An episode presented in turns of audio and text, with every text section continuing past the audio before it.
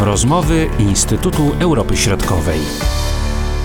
Po wakacyjnej przerwie witam Państwa w rozmowach Instytutu Europy Środkowej. Marcin Superczyński z tej strony, a jest ze mną dr Aleksandra Kuczyńska-Zonik. Witam Cię, Olu. Witam serdecznie. Dużo rzeczy się nagromadziło e, w ciągu tych ostatnich, e, można powiedzieć, tygodni i dni. Wracamy do komentarzy. Koncentrujemy się oczywiście na Litwie, Łotwie i porozmawiamy o y, sytuacji właśnie w państwach, o których przed chwilą powiedziałem, o sytuacji, y, która powstała po tym, jak członkowie grupy Wagnera pojawili się na Białorusi. Wiemy, jak ta sytuacja jest komentowana w Polsce i jakie działania zostały podjęte, a jakie działania są podejmowane w związku z obecnością grupy Wagnera na Litwie czy właśnie na Łotwie. W pewnym stopniu możemy powiedzieć, że sytuacja e, czy ta perspektywa bezpieczeństwa e, jest podobna. To znaczy pojawienie się najemników grupy Wagnera spowodowało większą dyskusję na temat wzmocnienia granic, ponieważ władze przewidywały czy przewidują w dalszym ciągu, że e, najemnicy mogą wspomagać reżim Łukaszenki właśnie w presji migracyjnej, która w dalszym ciągu trwa. W przypadku e, Litwy jest to kilkanaście do powiedzmy 10-20 osób e, dziennie, które usiłują przekroczyć nielegalnie granicę. W przypadku Łotwy ta liczba jest e, przynajmniej dwukrotnie większa, a w ostatnich dniach dochodziło nawet do niemal 100 przekroczeń czy prób przekroczeń granicy. Wszystkie oczywiście te przypadki były E, udaremnione przez e, służby graniczne Łotwy czy e, Litwy. Niemniej jednak widać, że skala migracji w dalszym ciągu się utrzymuje.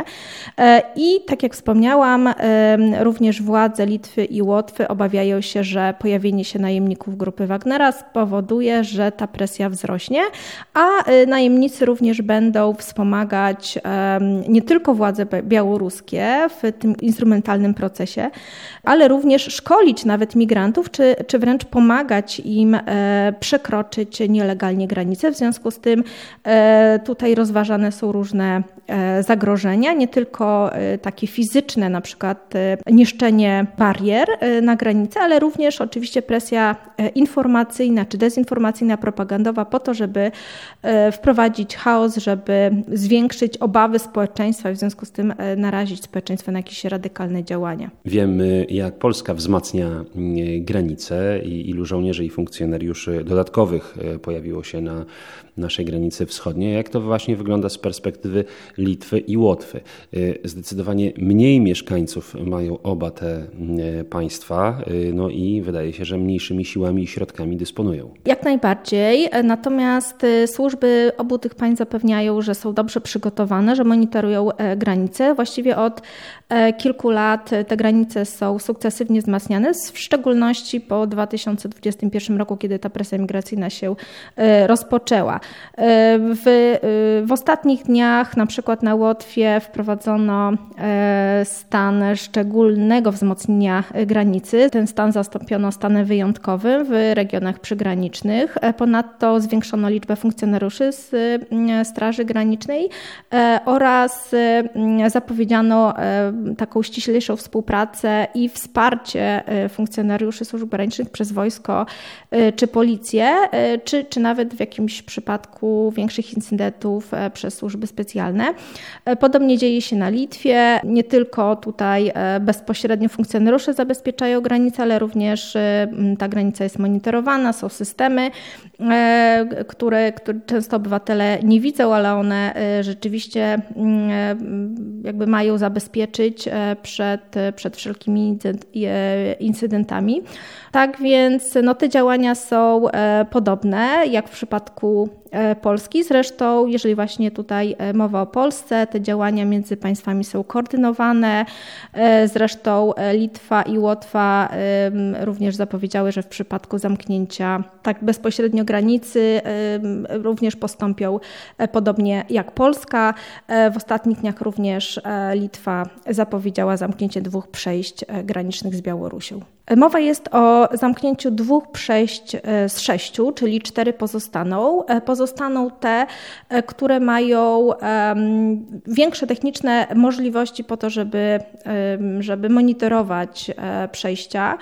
Ponadto z technicznego punktu widzenia zamknięcie tych sześciu przejść naraz byłoby dosyć problematyczne ze względu nie tylko na to, że jednak sporo Litwinów w dalszym ciągu przekracza granicę z Białorusią. Władze litewskie podały niedawno, że e, w tym roku e, tych przekroczeń było ponad 230 tysięcy, więc jednak jest to spora e, wartość. Ponadto byłyby problemy z transportem, ponieważ w dalszym ciągu transport z Litwy jest kierowany E, bezpośrednio e, do Białorusi, e, czy, czy te kontakty handlowe w jakimś tam stopniu są utrzymywane, bądź po prostu Białoruś pełni funkcję państwa tranzytowego dalej na wschód.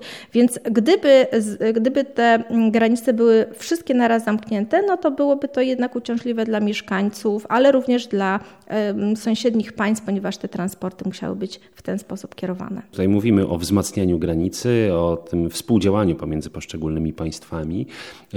Ostatnio byliśmy świadkami wizyty prezydenta Łotwy w Polsce. Czego ta wizyta dotyczyła? Jakie są jej efekty? Tak, rzeczywiście prezydent Łotwy Edgar e, był kilka dni temu e, w Polsce. Była to jego druga e, zagraniczna wizyta po Estonii i to ma oczywiście symboliczne znaczenie, ponieważ pokazuje, że Polska jest bardzo ważnym sojusznikiem Łotwy, bardzo ważnym partnerem. E, rozmowy dotyczyły kwestii oczywiście bezpieczeństwa, ochrony granic, e, ale również e, kwestii gospodarczych czy mniejszości polskiej na Łotwie, czy, czy takich e, szeroko rozumianych kwestii kulturalno-społecznych. Natomiast rzeczywiście te kwestie bezpieczeństwa dominowały i tutaj prezydent Łotwy podkreślił, że wszelkie, wszelkie działania będą uzgadniane i, i w dalszym ciągu również pomoc Ukrainie będzie kontynuowana. Także jeśli mówimy o Łotwie, to także całkiem niedawno y, doszło tam do dymisji premiera Y, z czego właśnie ta zmiana, ta sytuacja wynikała?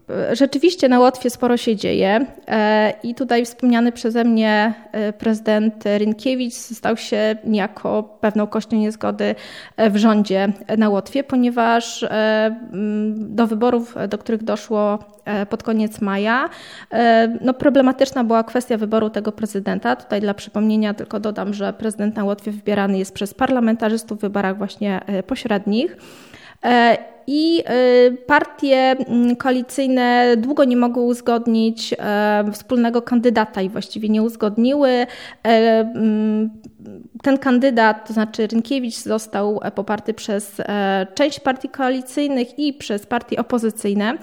E, w związku z tym no, było to, y, stało się takim symbolicznym właśnie y, początkiem y, tych, tych tarć e, w koalicji i one trwały i właściwie do, do ostatnich dni lipca.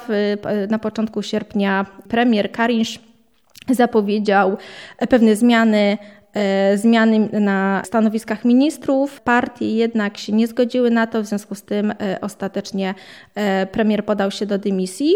W tym momencie czekamy na dalsze losy rządu na Łotwie. Niemniej jednak partia, główna partia, która, która zdobyła w ostatnich wyborach parlamentarnych najwięcej głosów, czyli Nowa Jedność, wcześniej już prowadziła rozmowy z partiami znajdującymi się w opozycji, więc wydaje się, że, że jednak ten rząd zostanie w miarę szybko utworzony.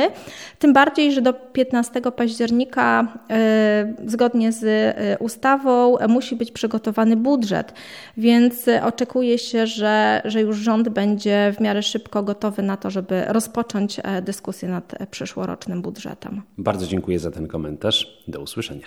Dziękuję serdecznie. Były to rozmowy Instytutu Europy Środkowej.